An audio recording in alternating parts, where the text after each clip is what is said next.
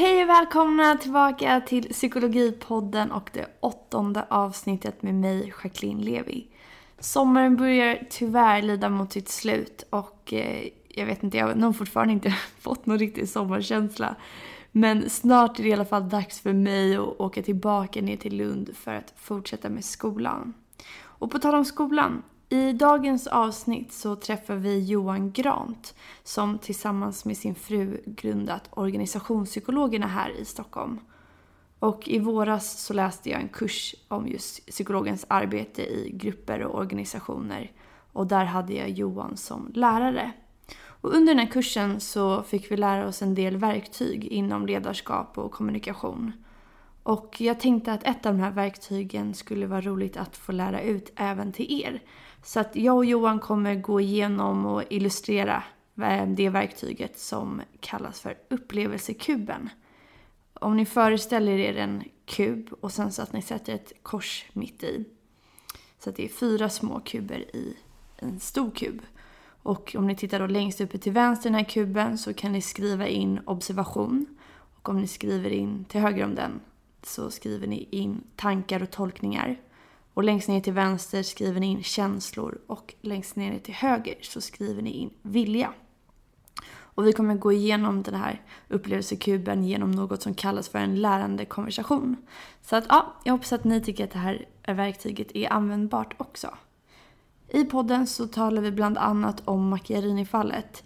Jag ska inte gå igenom hela det fallet men det finns mycket att läsa på internet om det är någon som är intresserad. Och jag tror att de flesta har hört talas om det i varje fall i och med att det uppmärksammades så mycket i media under det gångna året. Men väldigt kort sagt så var Paolo Macchiarini en gästprofessor vid Karolinska institutet och opererade in såna här konstgjorda luftstrupar och har anklagats för forskningsfusk och oetiskt beteende. Men välkomna hit ska ni vara till det åttonde avsnittet med mig och Johan Grant. Nu sätter vi igång.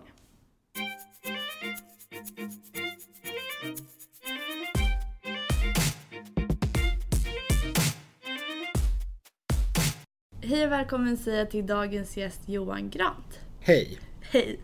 Vem är du för de som inte vet det? Jag är eh, grundare till det här företaget som heter Organisationspsykologerna. Jag är psykolog, fildoktor, eh, deltidslektor på universitetet i Lund. Eh, och så arbetar jag som rådgivare åt ledningar i stora och små organisationer. Okej, sen, du var ju även eh, min lärare i våras Mm. i en kurs som, vi ska inte gå in på den här, men den var ju väldigt spännande, lärorik och omtumlande kan man väl säga. Mm. Mm. Det gläder mig. Ja. Men organisationspsykologi, jag tror att det är många som har hört ordet men jag Mm. tror inte så himla många vet vad det innebär. Nej, Vad gör en organisationspsykolog? det kan vara väldigt mycket olika saker. Men jag, ska, om jag, jag skulle vilja börja med att vara lite filosofisk. Alltså organisationer finns ju överallt. Samhället, är, det globala samhället är en slags organisation. Familjen är en organisation. Skolan är en organisation. Vi befinner oss alltid i organisationer på något sätt. Och då så händer det en massa saker. Eftersom det är människor inblandade. Och det är ju liksom det som är psykologin. Så det är ju både det är individ, vad som händer med individerna men också vad som händer mellan individerna som gruppdynamik och så. Men sen finns det ju också någon slags övergripande frågor och det är väl de jag är mest intresserad av som är eh, präglat mycket av hur ledare för olika organisationer, alltså företagsledare eller myndighetsledare eller vår statsminister eh, eller vad det nu är, hur det liksom präglar den kultur som, som växer under, under en ledare. Och som också i och för sig präglar ledarna. Så att vi befinner oss, alltså en organisationspsykologi kan syssla, psykolog kan syssla med väldigt många olika saker. Men min, det jag sysslar med det är att hjälpa att forma de här institutionerna på ett sätt som är, gör att de är effektiva och hållbara. Eller ja, vi pratar om hållbar framgång i vårt företag. Vi tror att det är bra om det man gör, om man är framgångsrik i det man gör. Om det sen är att fånga bovar eh, eller producera elbilar. Så ska, ska man liksom göra det på ett bra sätt. Och så ska det vara hållbart. Alltså det måste fungera för människor och de som finns i institutionerna. Så det är inte så mycket liksom, miljömässig hållbarhet eller snarare för människorna i organisationen? För människor i, i organisationen. Ja, för att vi, jag är inte expert på ekologi. Mm. Men man kan säga mänsklig ekologi. Mm. Det som, vad, vad händer om jag äh, liksom ljuger lite för dig? Hur påverkar det? Eh, mm. liksom det kulturella klimatet som vi är i. Ja, för man talar ju mycket om kultur och klimat inom mm. organisationer. Mm. Men vad menar man när man säger så? Man kan definiera det där väl liksom tekniskt, men kulturen är ju de överenskommelser som vi har i en organisation. Synliga och osynliga. Som reglerar hur vi faktiskt beter oss. Vad som är gott, rätt och vad som är tabu och vad man får göra och inte göra. Sådär. Så det präglar ju våra beteenden i väldigt hög utsträckning. Och kulturer finns ju liksom på nationell nivå, det vet vi alla. Alltså, I Indien beter man sig på ett lite annat sätt än vad man gör i Sverige. Och, så. Eh, och i olika företag eller organisationer beter man sig olika. Eh, och till exempel om vi går till där vi har en gemensam erfarenhet. Du går på psykologlinjen och är en kurs klass så har man en kultur och i nästa terminsgrupp så har man en lite, alltså ganska lik men lite annorlunda. Och som har formats av tusen olika saker, vilka individer som finns där och hur man liksom pratat med varandra och, och inte och sådär.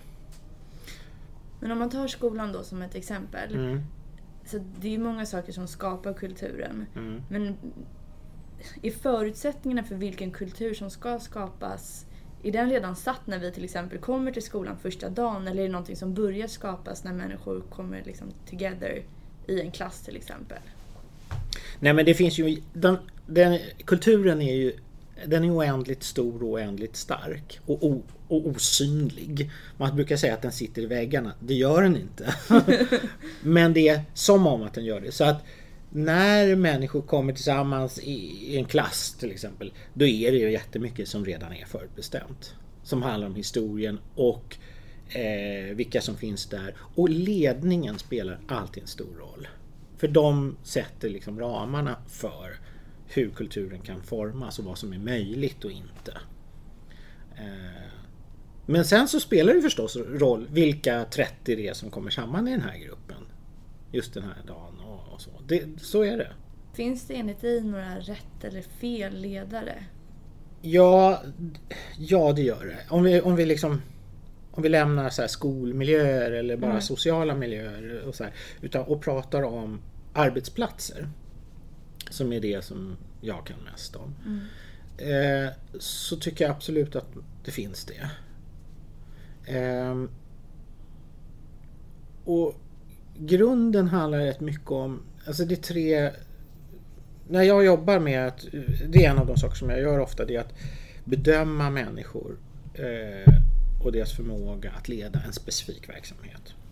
Och då så finns det några saker som återkommer och jag tror att en av dem är att eh, liksom ha förmåga och vilja att ta på sig ansvar för en stor och komplicerad uppgift. Eh, och vara beredd att ta ansvar för den hela vägen. Ehm, det, det eh, tycker jag är en sån här egenskap. Den har inte alla. Alla vill inte, alla är inte motiverade för det. Ehm, och eller skickade för det. Vi tänker olika och när det gäller stora institutioner eller organisationer så behöver människor, eh, ledarna där, de behöver ha förmåga att ta ansvar. Jag kan, jag kan återkomma mer kanske till vad jag hur det kan se ut, vad, vad det innebär. Men jag skulle absolut säga det att alla kan inte och ska inte vara ledare.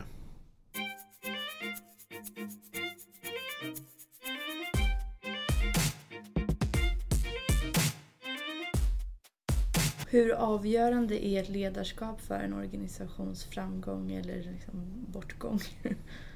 Jag tror den är helt avgörande. Jag tror det är helt avgörande. Men sen är, det ju, sen är det så att det är väldigt, väldigt svårt att se. Eh, alltså det är en tidsfråga. Jag tror att egentligen kan man inte bedöma om en ledare har gjort ett bra jobb förrän efter ganska lång tid. Alltså det finns ju exempel på ledare som pressar fram väldigt bra resultat på kort sikt eh, i organisationer. Mm. Men det, det, är inte hållbart. Därför att om två eller tre år så kommer det dyka upp någonting i de här organisationerna som visar att det är liksom bubblor. Det är inte, det är inte en stabilt bygge. Eh, utan det är liksom ett ganska skrangligt bygge. Där man liksom har målat över eh, problem och, och sådär. Så att det ser bra ut. Men det i grund och botten är det inte det. Och jag tänker på två exempel som jag nyligen skrev en artikel om. Jag var KI som är ett bra exempel på eh, en institution som ju på många sätt är framgångsrik onekligen. Men där vi vet att under lång tid har den tappat i framgång. Och den är desperat. Eh, om man plöjer ner nu miljarder på att bygga ett nytt sjukhus, det är säkert bra också för all del. Men risken är ju lite grann att man där istället för att ta itu med det som i grunden har gjort att man tappat lite mot andra universitet i sin spets, kompetens och förmåga att liksom av, framställa högkvalitativ forskning. Istället för att ta tur med grunden till de problemen som jag tror har att göra bland annat med kultur. KI är ganska känt för att vara en ganska gubbig eh, kamratkultur eh, som på många sätt är bra för framgång. För det finns tillit där, man känner varandra så här. Men som inte riktigt hänger med därför att det blir inte den mångfald och så som behövs och då springer konkurrenterna ifrån. Men istället för att ta itu med det så försöker man sig på massa andra saker. Och den här Macchiarini-affären är ju ett exempel på det skulle ju vara en alldeles utmärkt lösning va? om vi kunde ta in någon sån här fantastisk forskare som kunde göra helt banbrytande grejer. Och så när man märker att det där håller inte riktigt, det stämmer inte. Så istället för att liksom ta itu med det så börjar man liksom göra en massa saker i organisationen som eh, gör att till slut så smäller det. På det sättet som man gjort där. Och det är ju, det är ju helt fasansfullt eh, hur det kan liksom på, ha pågått. Och det är så, ledningen är ansvarig. Och ytterst i det här fallet så är det rektor som är ansvarig och ord, styrelseordföranden. Punkt slut. Mm. Ja, för den artikeln som du hänvisar till, den, där skrev du och din kollega Jonas Moskin om en tillitskultur som har gjort det möjligt mm. för någonting sånt här att hända. Ja, det är en, en brist på tillit. Ja, mm. och vad är en till, liksom, vad betyder tillitskultur? Men tillitskultur är ju det finns en historiker som heter Lars Trädgård som pratar mycket om Sverige och Skandinavien kanske, men framförallt Sverige, att vi har en hög tillit i vårt samhälle. Och det betyder helt enkelt att vi litar på, både på människor, mm. vi tror på dina avsikter och eh, ja, liksom vad du gör. Mm. Tills motsatsen är bevisad. Om du, du måste först liksom ha en skugg. Och samma har vi mot våra institutioner vi litar liksom på våra myndigheter. Vi tror inte att nej, men de kanske liksom lurar oss. Och samma sak är det då i organisationer. Det är organisationer där man litar på människor. Man utgår ifrån att du har goda avsikter, att du säger som det är och att du gör som du säger. Mm. Och ägna inte massa tid åt att bevaka eh, att det du säger kanske egentligen inte är så. Och jag tror, Eh, och det är inte bara jag som tror det, utan flera som tror att det här är antagligen Sveriges en av våra största konkurrensfördelar som vi har. Därför att hela vårt samhälle är präglat. Vi behöver inte ägna en massa tid åt politiskt spel. Eh, vilket är slöseri med tid. Och det kan man se om, jag jobbar mycket internationellt, att svenskar vi jobbar mycket färre timmar. Men vi ju, om vi jämför till exempel med, med amerikaner. Vi är ju inte alls lika många timmar på jobbet. Men vi är ju mycket mer effektiva. För vi behöver inte springa runt och bevaka och vara misstänksamma som de gör där. Mm. Så tillitskulturer är väldigt viktiga och det som är problematiskt är när ledningen inte tar fullt ansvar och som till exempel i KIs fall eh, tar itu med problem när de dyker upp och när man inser när saker och ting har hänt så, så förstår inte den högsta ledningen att den måste avgå. Så Leijonborg då som uppenbarligen har bevisat att han har inte Eh, liksom kunnat ta itu med det här på rätt sätt. Han har haft en rektor där som har gjort allvarliga fel. Det är mänskligt, men då måste man avgå. Och eftersom Leijonborg i det här fallet som var då styrelseordföranden inte har förmått sätta dit rätt person som rektor. Och det är hans uppgift. Det, det, är hans uppgift. Han har inte lyckats med det, visar det sig. Då måste man avgå. Men det är väldigt problematiskt att han till exempel inte gör det. Då. Och ett annat fall var ju Swedbank där, eh, kommer jag inte ihåg vad ordföranden heter där just nu, men en gammal socialdemokrat som har gjort jättemycket bra och säkert är väldigt duktig på många sätt. Men han har inte förstått att han är ytterst ansvarig för att i det fallet de har haft en VD som har byggt en kultur runt omkring sig. Jättefina resultat på kort sikt. Men eh, med uppenbart med mögel inuti. Därför att man har haft finansdirektörer som har gjort affärer som riskerar banken. Och det är deras uppgift att inte ta den typen av risk. Utan att se till bankens intresse, inte till sina egna. När det uppenbarar sig så förstår inte styrelseordföranden att okej, okay, det här är mitt ansvar. Jag har misslyckats i mitt och då måste jag backa av. Jag måste ta ansvar och gå bak. Och det här är, är det urholkar den här tillitskulturen. Men tror du att det handlar om att de inte förstår att de borde liksom avgå till exempel?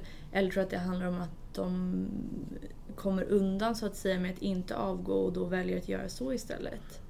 Ja, det, men det är precis det som hänger ihop. Alltså, vi, jag tycker om Karl-Bertil Jonsson som säger så här. Du får nog berätta vem, Karl-Bertil Jonsson.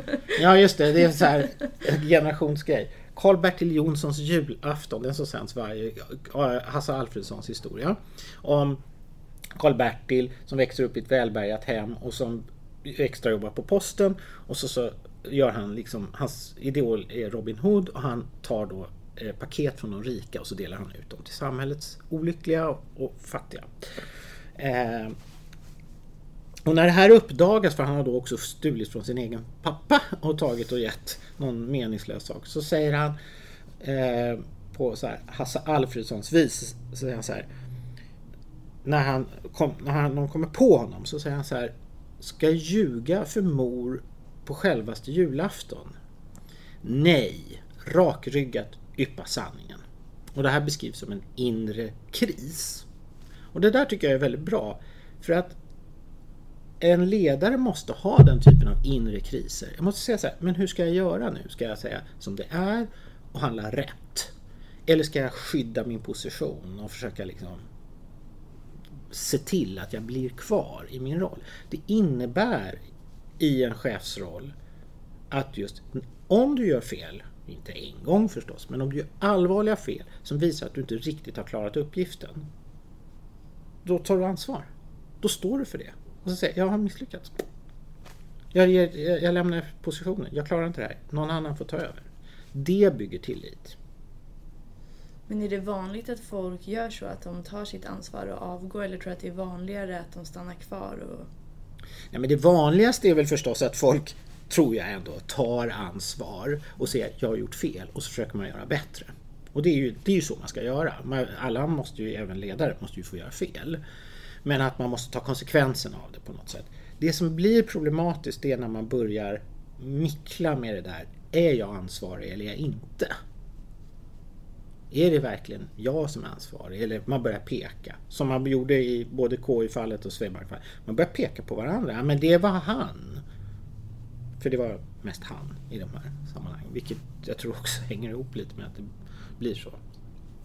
Gubb i homogena, lite gubbiga kulturer. Mm. Så ökar risken för att man liksom ja, ljuger lite helt enkelt. Mm.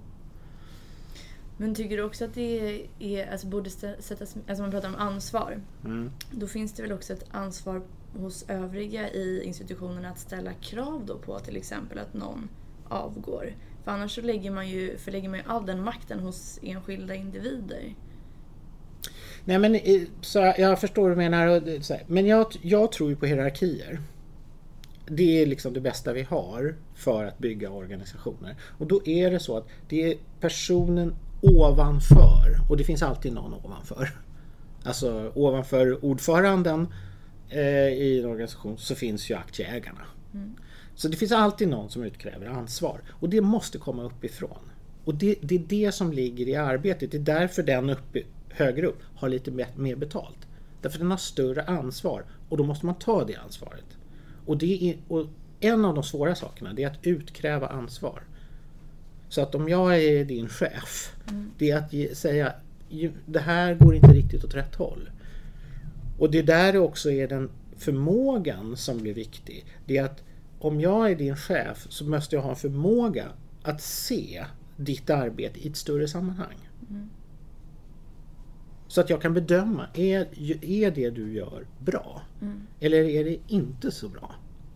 Och, har och det går tillbaka till den här, finns det, alltså vad är ledar, finns det ledaregenskaper och så här? Då skulle jag säga att det är nyckeln. Det är förmågan att se saker på liksom en högre nivå.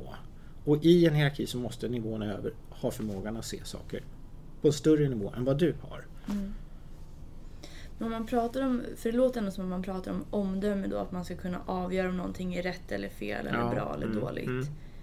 Det känns så himla, hur mäter man det hos en person i förväg? Jättesvårt. Det är Ja. jättesvårt. Så är det verkligen. Det är väldigt svårt. Eh, och alla, det är inte minst kollegor till oss då som hävdar att det finns massa metoder att göra det här på. Men de, de pratar strunt. Eh, Till exempel så är det så här, IQ har väldigt lite med det här att göra, enligt min erfarenhet. Jag jobbar med många företagsledare, de är inte särskilt hög IQ. De var ganska halvdana i skolan. Eh, Men omdöme handlar om att att ta in många saker och förstå att både mjuk... Ofta blir det ju så här att förstå vad är de mjuka faktorerna för betydelse? Att få ihop det mjuka och det hårda i en organisation. Ehm, ja, alltså att om man bara fokuserar på... Jag ska ta ett exempel. Jag har läst om Elon Musk som idag är, är en av de mest intressanta företagsledarna. Han har startat bland annat Tesla som det pratas mycket om nu. Eh, han har en enorm vision. Han vill förändra transportindustrin. Eh, och han har en strategi för det som är, har visar sig unik. Han lyckas med allting han gör. Men det är också så att han har varit otroligt noga med att till exempel bygga alltså, människor runt omkring sig. Att han har valt ut människor som delar hans värderingar, som är beredda att underkasta sig hans ibland extrema krav. Ehm, men ända ner till att liksom hur han målar fabriksgolven i, i sina bilfabriker. Han lägger sig i alla de sakerna.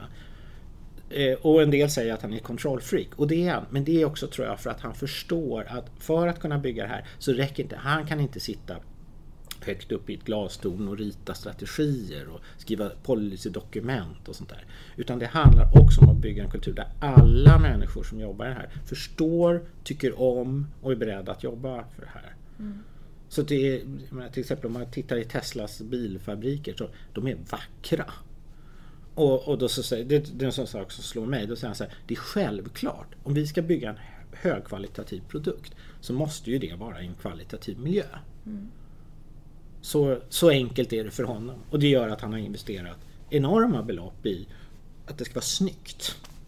Så att han målar om fabriken. Och det, det tycker jag är ett exempel på förmåga att, att tänka på hög nivå, tänka på det, men också ta mjuka faktorer. Hur, är det, hur blir det för människor? Så han jobbar också lite med det här med hållbarheten som du pratade om tidigare. Ja, jag, jag tror ju det. Min bedömning är att han är ju ett exempel på en entreprenör som bygger någonting som hållbart kommer att förändra jättemycket. Sen, det spelar, och jag tror det går bortom även om det skulle gå till exempel illa för Tesla. Då. Låt oss säga att de inte lyckas med sina enorma ambitioner. Det skulle ju kunna hända. Eh, så tror jag i alla fall att det han gör påverkar arbetslivet och synen på industri och sådär. Så att i den meningen blir det väldigt hållbart i alla fall. Förstår du vad jag menar med det? Mm, att det sätter spår på andra sätt än just med Ja, i det kommer, han har skockat om hela bilindustrin. Mm. De har fattat att oj, vi kan kanske inte fortsätta som vi gör. Mm. Det funkar nog inte. Nej. Och om vi tittar på Volkswagen, det är ju ett exempel. Där de har, de har börjat fuska för att överleva. Det var en stor skandal för ett tag sedan där Volkswagen tappade halva sitt börsvärde för det visade sig att deras ingenjörer har fuskat med mätvärden. Som gör att de ser ut som om de släpper ut mindre eh, koldioxider än vad de egentligen gör. Mm. Okej. Det är inte hållbart. Men är Och det- de har fått sig en rejäl näsbränna när nu till exempel Tesla visar det här går. Man kan visst göra så här utan att fuska. Och, och det blir också varning till de gamla. Akta er. Det finns en annan väg. Ni måste ändra på er. Och det kommer att förändra.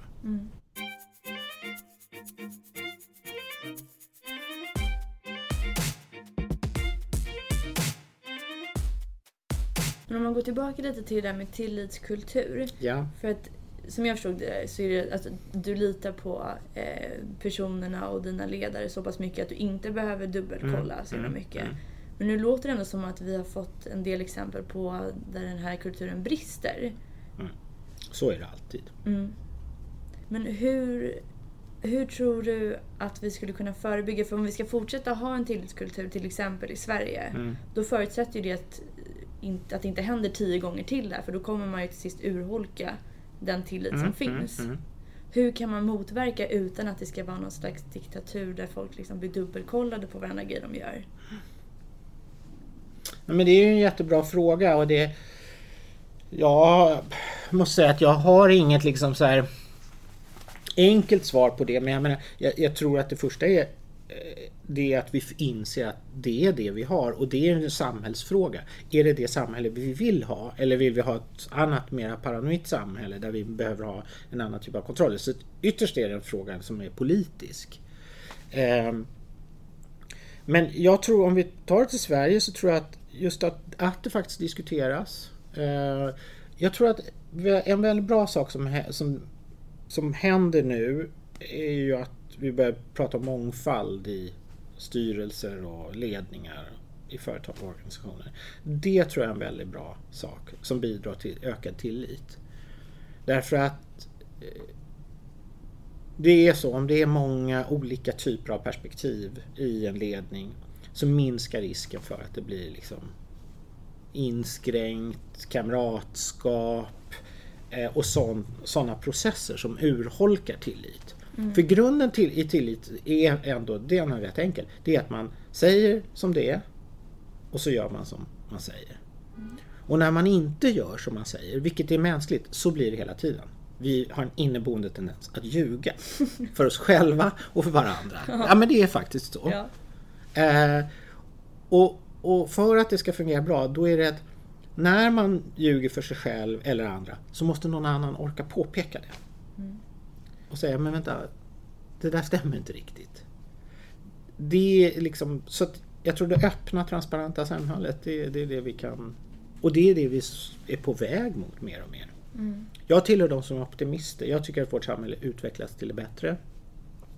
Det var inte bättre förr, även om en del hävdar det. Ehm, Så jag tror ju att, det, att liksom tillitskulturen utvecklas och det görs på global nivå. Alltså det blir svårare och svårare att fuska och ehm, Alltså diktaturerna kommer inte undan längre med det de gör.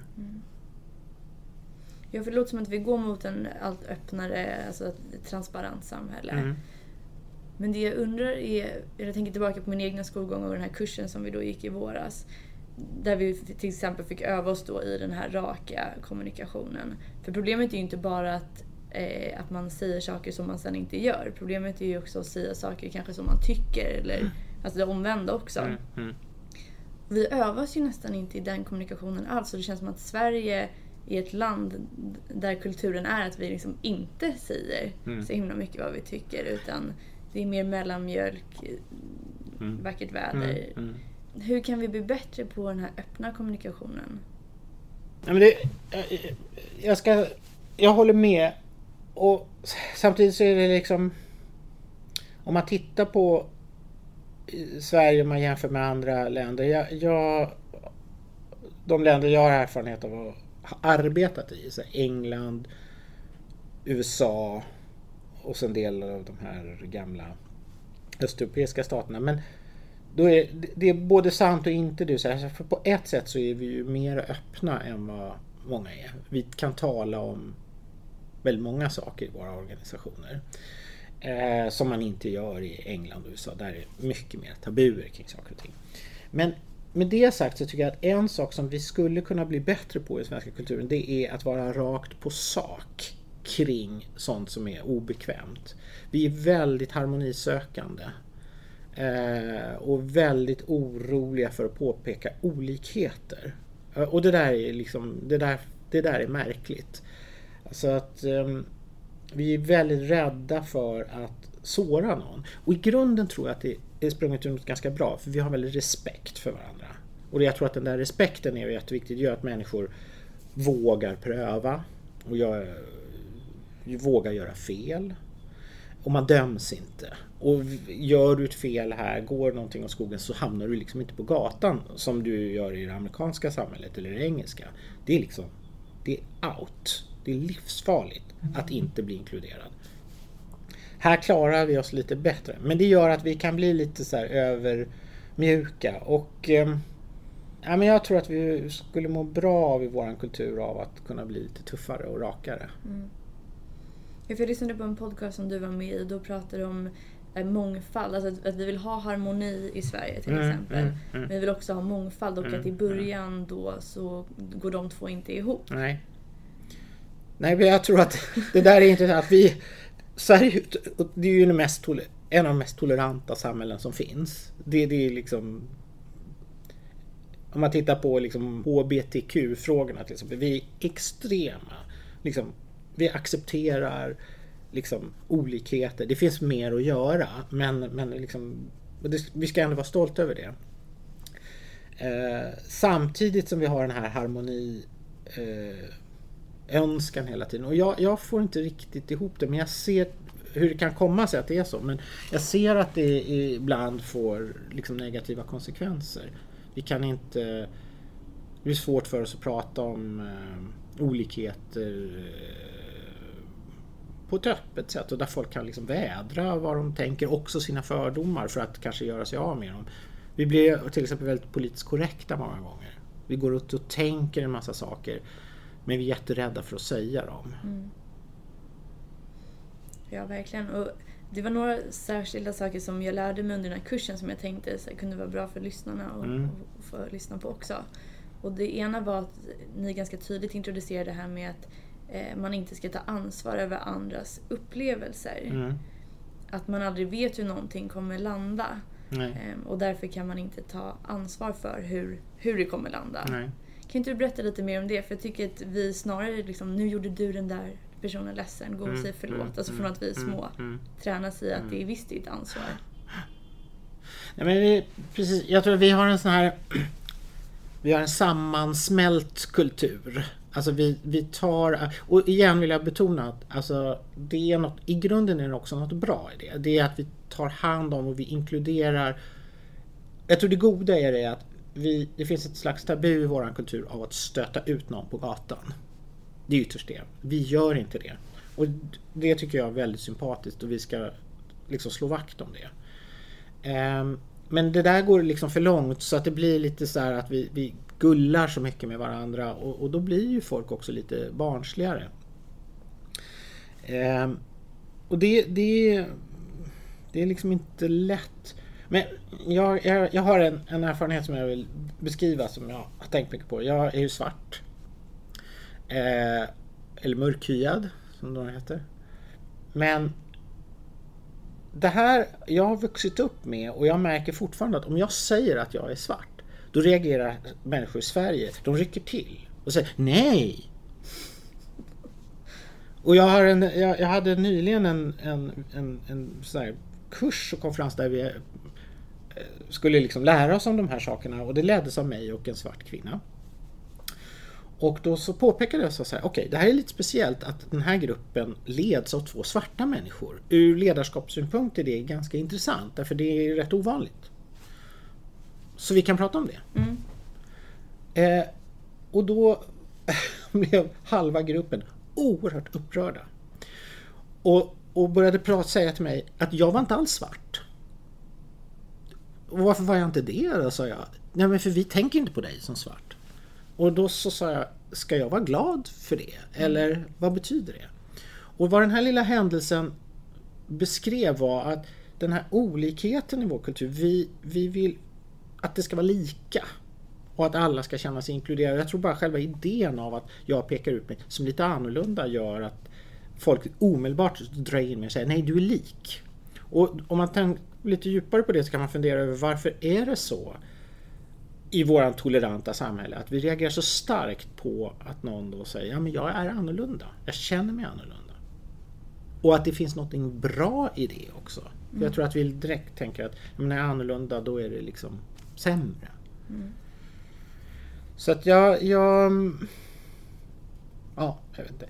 Men det här konkreta du, eh, verktyget som jag ju beskrev, som jag tycker är väldigt användbart, det är ju att liksom beskriva hela sin upplevelse. Brukar jag säga. Och en upplevelse består av fyra delar. Det är fakta, det vi ser och hör faktiskt. Eh, och det andra är vår tolkning av det vi hör och ser. Och det tredje är de känslor som väcks eh, av våra tolkningar. Och det fjärde är vår vilja. Och jag har lärt mig att det är väldigt kraftfullt att om man kan beskriva alla de här sakerna, både sina observationer och hur man tänker kring saker och ting och vad man känner och vill, eh, så kan man säga nästan vad som helst. Eh, också de här lite obekväma sakerna. Men jag ser att du pillar på din mobiltelefon. Och jag tolkar det som att du inte är intresserad av det vi håller på med på det här mötet. Och jag känner mig frustrerad eller ledsen eller arg. Jag skulle vilja att du lägger undan den. Eh, en sån sak tas ofta emot på ett bättre sätt än om det kommer någon sån här... Eh, jag tycker att man ska vara intresserad av för att vara med på det här mötet. Vilket vi ofta gör. Vi tar inte upp vår tolkning av situationen till exempel. Att du pillar på din mobiltelefon. Jag tolkar det som att du inte är intresserad. Säger man det på det sättet så öppnar man också för den andra att säga Ja men det har du rätt i, jag gjorde det. Men det var faktiskt inte för att jag var ointresserad. Utan det var därför att jag har en byggare hemma som håller på. Eller det kan vara, du har faktiskt rätt, jag känner mig just nu inte riktigt närvarande för jag har en grej som tar så mycket av min uppmärksamhet. Men jag tycker det här projektet är viktigt. Mm. Så tack ska du ha för att du påpekar för mig. Mm. Jag, jag, är ledsen att jag stör. Det, det, leder till en helt annan typ av diskussion. Mm. Så jag skulle ju önska att vi kunde liksom träna oss på att inte anta så mycket utan att vara mer outspoken och tala, säga mer vad det faktiskt är vi tänker och tycker och bjuda in andra att göra detsamma. Ja, för jag tycker att det är lättare att göra det om man har till exempel en modell att förhålla sig till. Mm. För några andra begrepp som ni pratade om under kursen var ju det här med sensemaking. Yeah. Som är att Alltså alla har kanske haft sådana här prov i högstadiet när det är liksom ett gap i texten när man ska fylla i ett ord. Yeah. Det är ungefär det man gör mm. i sensemaking, mm. det är att fill in the gaps. Fast i verkligheten, mm. varför kollar han på mobilen? Ja men det är för att han inte bryr sig. Mm. Jag behöver inte ens fråga Nej. för jag vet Nej. det. Nej. Eh, och det andra är det här med eh, interpersonal mush. Vad heter det på svenska? Det finns ingen bra men eh, surgiga relationer. Ja. Geggiga. ja. ja. Och att det är det som uppstår när man håller på och sensmaker om varandra ja. och eh, att den här upplevelsekuben som du beskrev är ju ett eh, verktyg för att eh, ja, liksom, mm. tala mer klart med varandra. Men om man går tillbaka, du sa att det var observation, tankar, känslor och, och vilja. vilja. Och jag tänker, man blandar oftast ihop observationerna och tankarna. Mm. Kan inte du beskriva, du drog något exempel i alla fall i klassrummet. Om att eh, observationerna är det vi liksom skulle kunna se via en eh, filmkamera. Ja, eh, så att om jag säger till exempel eh, Johan ser arg ut. Mm. Är det en observation då? Nej. Det är en tolkning. Mm. Eh, utan vad din och vad var det som gjorde att du tänkte att jag såg arg ut? Var att jag... Ja, då kan vi ta dina ögonbryn. Drogs ihop. Drogs ihop ja, precis. och mm. du morrade lite. Nej men ja. så.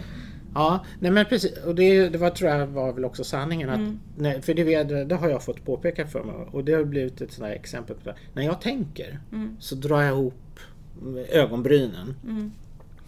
Eh, och det är väl för att jag tar någonting på allvar eller är lite bekymrad eller tänker efter. Så mm. Då gör jag så. Eh, men det är ju samma, att dra ihop ögonbrynen så här, det är ju också samma sak som händer ofta när människor blir arga. Och det gör, jag vet att det är många som tolkar mig som arg till exempel. Eh, fast jag inte är det, utan jag är mera eftertänksam. Mm.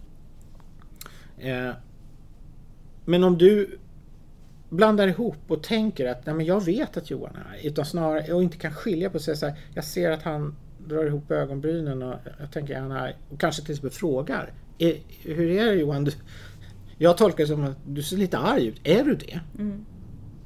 Då skulle du få veta att Jaha, oj. Det, först vore det jättebra för det är feedback till mig. Så jag sa nej. Och det var inte min avsikt att väcka det hos dig. Eh, utan det är mer, jag tänker.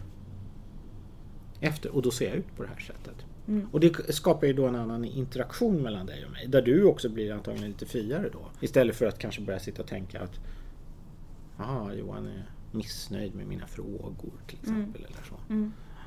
Ja, för det känns som att när man närmar sig, nu kanske det här var ett banalt exempel, men när man närmar Ja, sig någonting i liksom jag vet inte om det, har du hört om non-violent communication? Mm, jag har hört talas om det. Ja, det är ju, jag såg något klipp på Youtube i alla fall när han sitter med så dockor och pratar. Alltså då är det att man också beskriver sin egna upplevelse. För om jag bara hade sagt till dig, du ser så jävla arg ut, jag tänker Mm, inte stanna här och mm, fråga fler mm, frågor. mm. Då hade ju det också skapat massa sensemaking hos dig till exempel. Mm, mm. Man närmar ju sig det mycket vänligare om man säger, jag säger du ser arg, eller du har dragit ner ögonbrynen. Mm. Eh, Jag tänker att du är arg eller irriterad. Mm, mm. Och det får mig att känna mig stressad. Mm, Eh, Jag skulle vilja att du berättar hur du känner. mm. Alltså då har man ju liksom öppnat upp för en konversation om någonting som kanske är laddat men på ett väldigt oladdat sätt. Mm. Nej, får, jag, får, får jag fylla på en sak där? Ja, jag tycker gärna. det är det du säger att det är ju Det här med sensemaking är ju jätteviktigt. Alltså att man Jag, jag brukar kalla, säga så här som en enkel grej. Det är att det vi inte vet hittar vi på. Vi fyller i. Det, det. Och det vi hittar på är nästan alltid mer negativt än verkligheten. Och det har att göra med liksom våra eh, eh, osäkerheter inom oss som vi hela tiden måste reglera.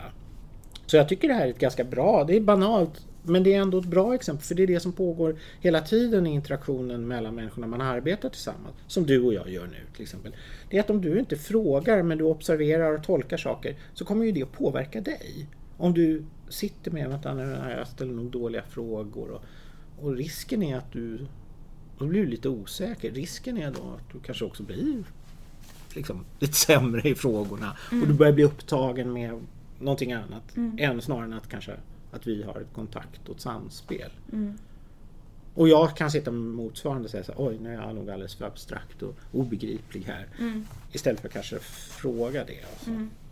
Hur tror du det kommer sig att någonting som egentligen liksom borde vara enkelt som du sa att göra som man säger och säga vad man tycker i princip. Mm. Varför är det så himla svårt för oss? Ja, men det har med skam att göra. Alltså det är svårt, alltså blotta sig, att, att, att berätta någonting om oss själva. I det så ligger det hela tiden på lut någonstans, kanske inte medvetet va? men någonstans i oss så finns det hela tiden, vad ska andra tycka?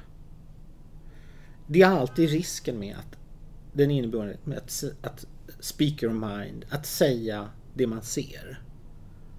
Och det, det är alltid förenat, och det är en sån här djupt mänsklig sak, det är förenat med en viss fara. Någon kanske rynka.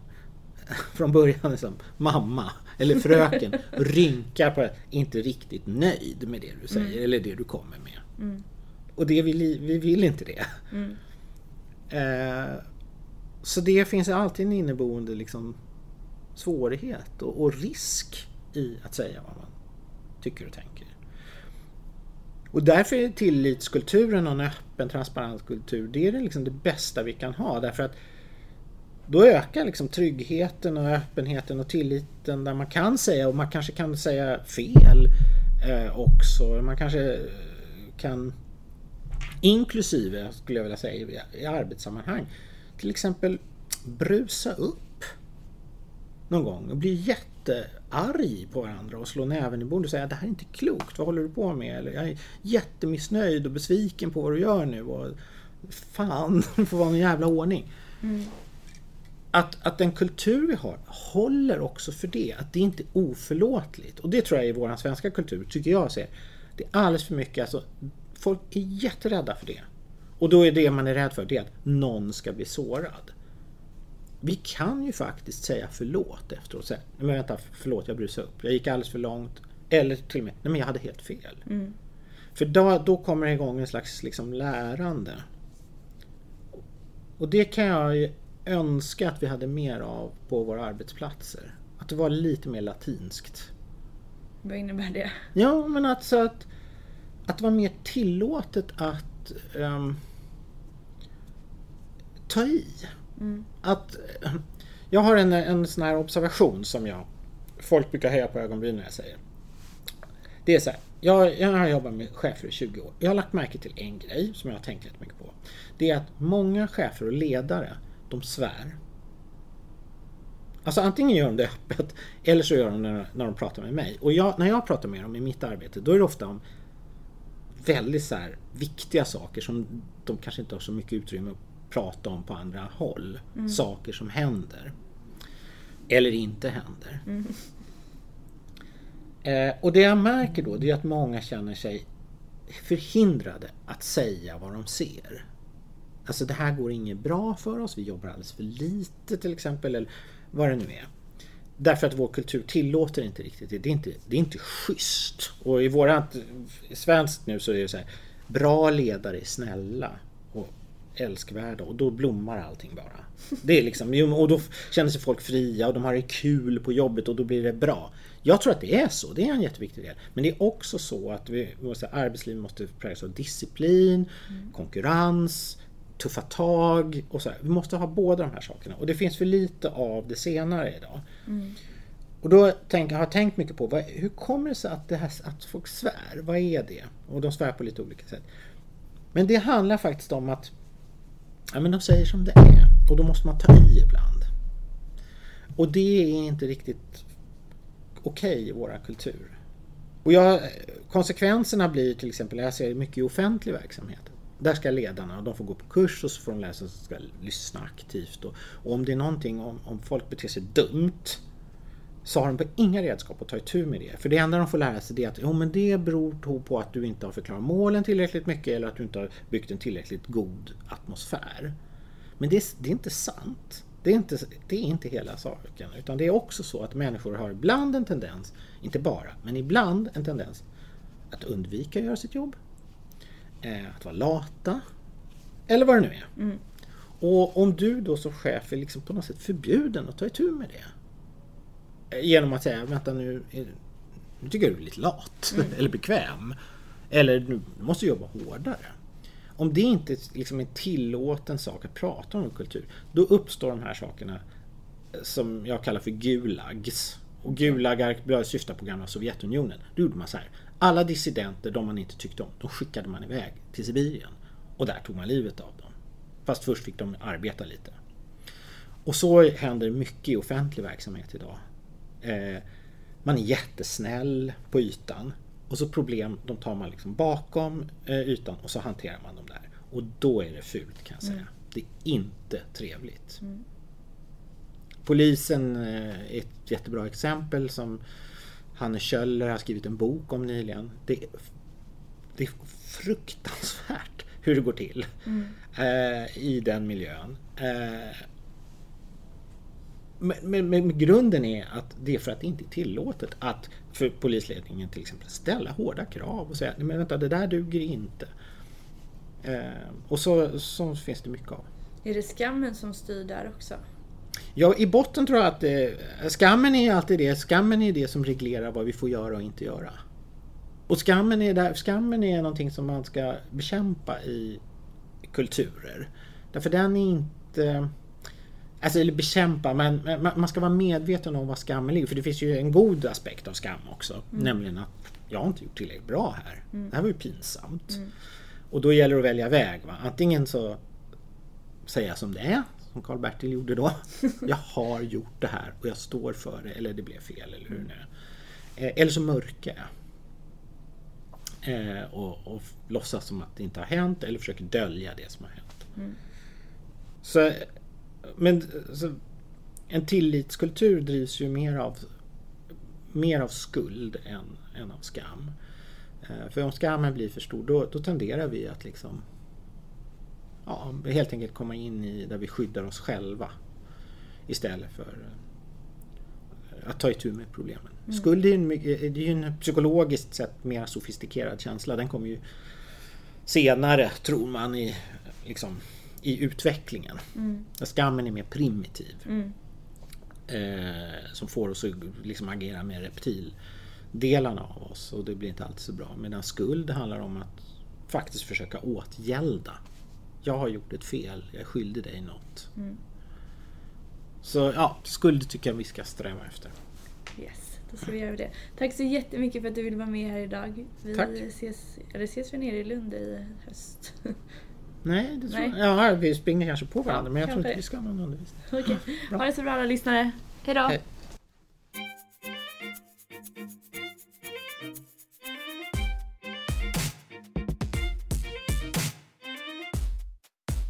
Tack till Johan och alla ni fina lyssnare som var med oss i ytterligare ett avsnitt av Psykologipodden. Jag nämnde ju kort non-violent communication under avsnittet. Det är ett annat sätt att eh, ganska liksom avväpnande, informativt och mindre laddat än att skrika typ håll käften du är dum i huvudet. Då så, så kan man säga så här att det är tre delar. Den första är när du. Så när du, vad nu personen gör som, som gör att du känner att du blir arg eller ledsen eller vad det blir. Så när du, bla bla bla, känner jag, till exempel känner mig ledsen eller arg eller glad eller besviken. Därför att, och då förklarar man varför man gör det. Så att när du, känner jag, därför att. Så det är ett annat förslag då på ja, icke-violent communication. Nu när vi ändå är inne på communication och, communication, nu blir det väldigt mycket svengelska här. Inne på kommunikation, då så tänkte jag kunde avsluta med någonting som jag har tänkt eh, ända sedan jag började plugga faktiskt. Oftast när man träffar nya människor eller människor man inte träffat på länge så får man ju frågan Vad gör du? Och eftersom att jag pluggar så brukar jag ju säga då jag läser till psykolog. Och när man säger att man pluggar till psykolog då kan man faktiskt få väldigt många olika gensvar. Många gånger är det självklart positivt att folk säger gud vad spännande, vad roligt, hjärnan är så fascinerande eller ja, vad det nu var. Liksom, vad det nu än må vara så är det någonting positivt. Men jag har också märkt att den här eh, tabun kring psykisk ohälsa nog har smittat av sig på professionen också. Att folk kommenterar ganska negativt som man aldrig, alltså aldrig skulle göra till till exempel om någon svarade att de läste ekonomi. Så därför tänkte jag ge några förslag nu på saker som jag fått höra, inte en och inte två gånger utan väldigt många gånger. Eh, för att, för att illustrera då vad ni inte ska säga till någon som läser psykolog och vad som inte heller stämmer. Jag tänkte jag skulle säga de här påståendena med en dialekt så att ni förstår vad som är den andra personen och vad som är jag. Så scenario ett då. Vad, vad pluggar du till? Ja, men jag läser till, eh, till psykolog. Ja, så jag har ju hört att psykologer, det är ju ni som är sjukast av alla. Eller hur? Visst är det så? Mm, nej. Situation nummer två. Alltså, sitter du typ och analyserar mig just nu, eller? Mm, nej. Alltså, eh, nu har ju du fått mig att berätta allting som jag aldrig har berättat för någon annan. Och alltså, jag förstår inte, hur gjorde du? Nu gjorde du så jag berättade allting. Alltså, vi sitter här på en middagsbjudning och, och du gjorde så jag sa saker jag aldrig har sagt till någon annan. Nej, nu måste jag, nu måste jag gå härifrån. Men jag har ju bara suttit tyst och, och lyssnat. Jag är, nej, nu går jag härifrån. Okej? Okay. Eller den kanske klassiska. Ja men tjenare du, vad pluggar du då? Jag läser psykolog. Alltså kan du läsa mina tankar eller? Läser du mina tankar nu? Vad tänker jag på? Mm, nej. Om jag, hade kunnat tänka, om jag hade kunnat läsa dina tankar så hade jag varit miljardär vid det här taget. Men tyvärr, nej, jag kan inte läsa dina tankar. Så där fick ni fyra exempel på saker ni inte ska säga till någon som läser till psykolog. Jag hoppas att vi hörs snart igen. Nästa vecka kommer ett nytt avsnitt. Ha det så fint tills dess. Puss och kram!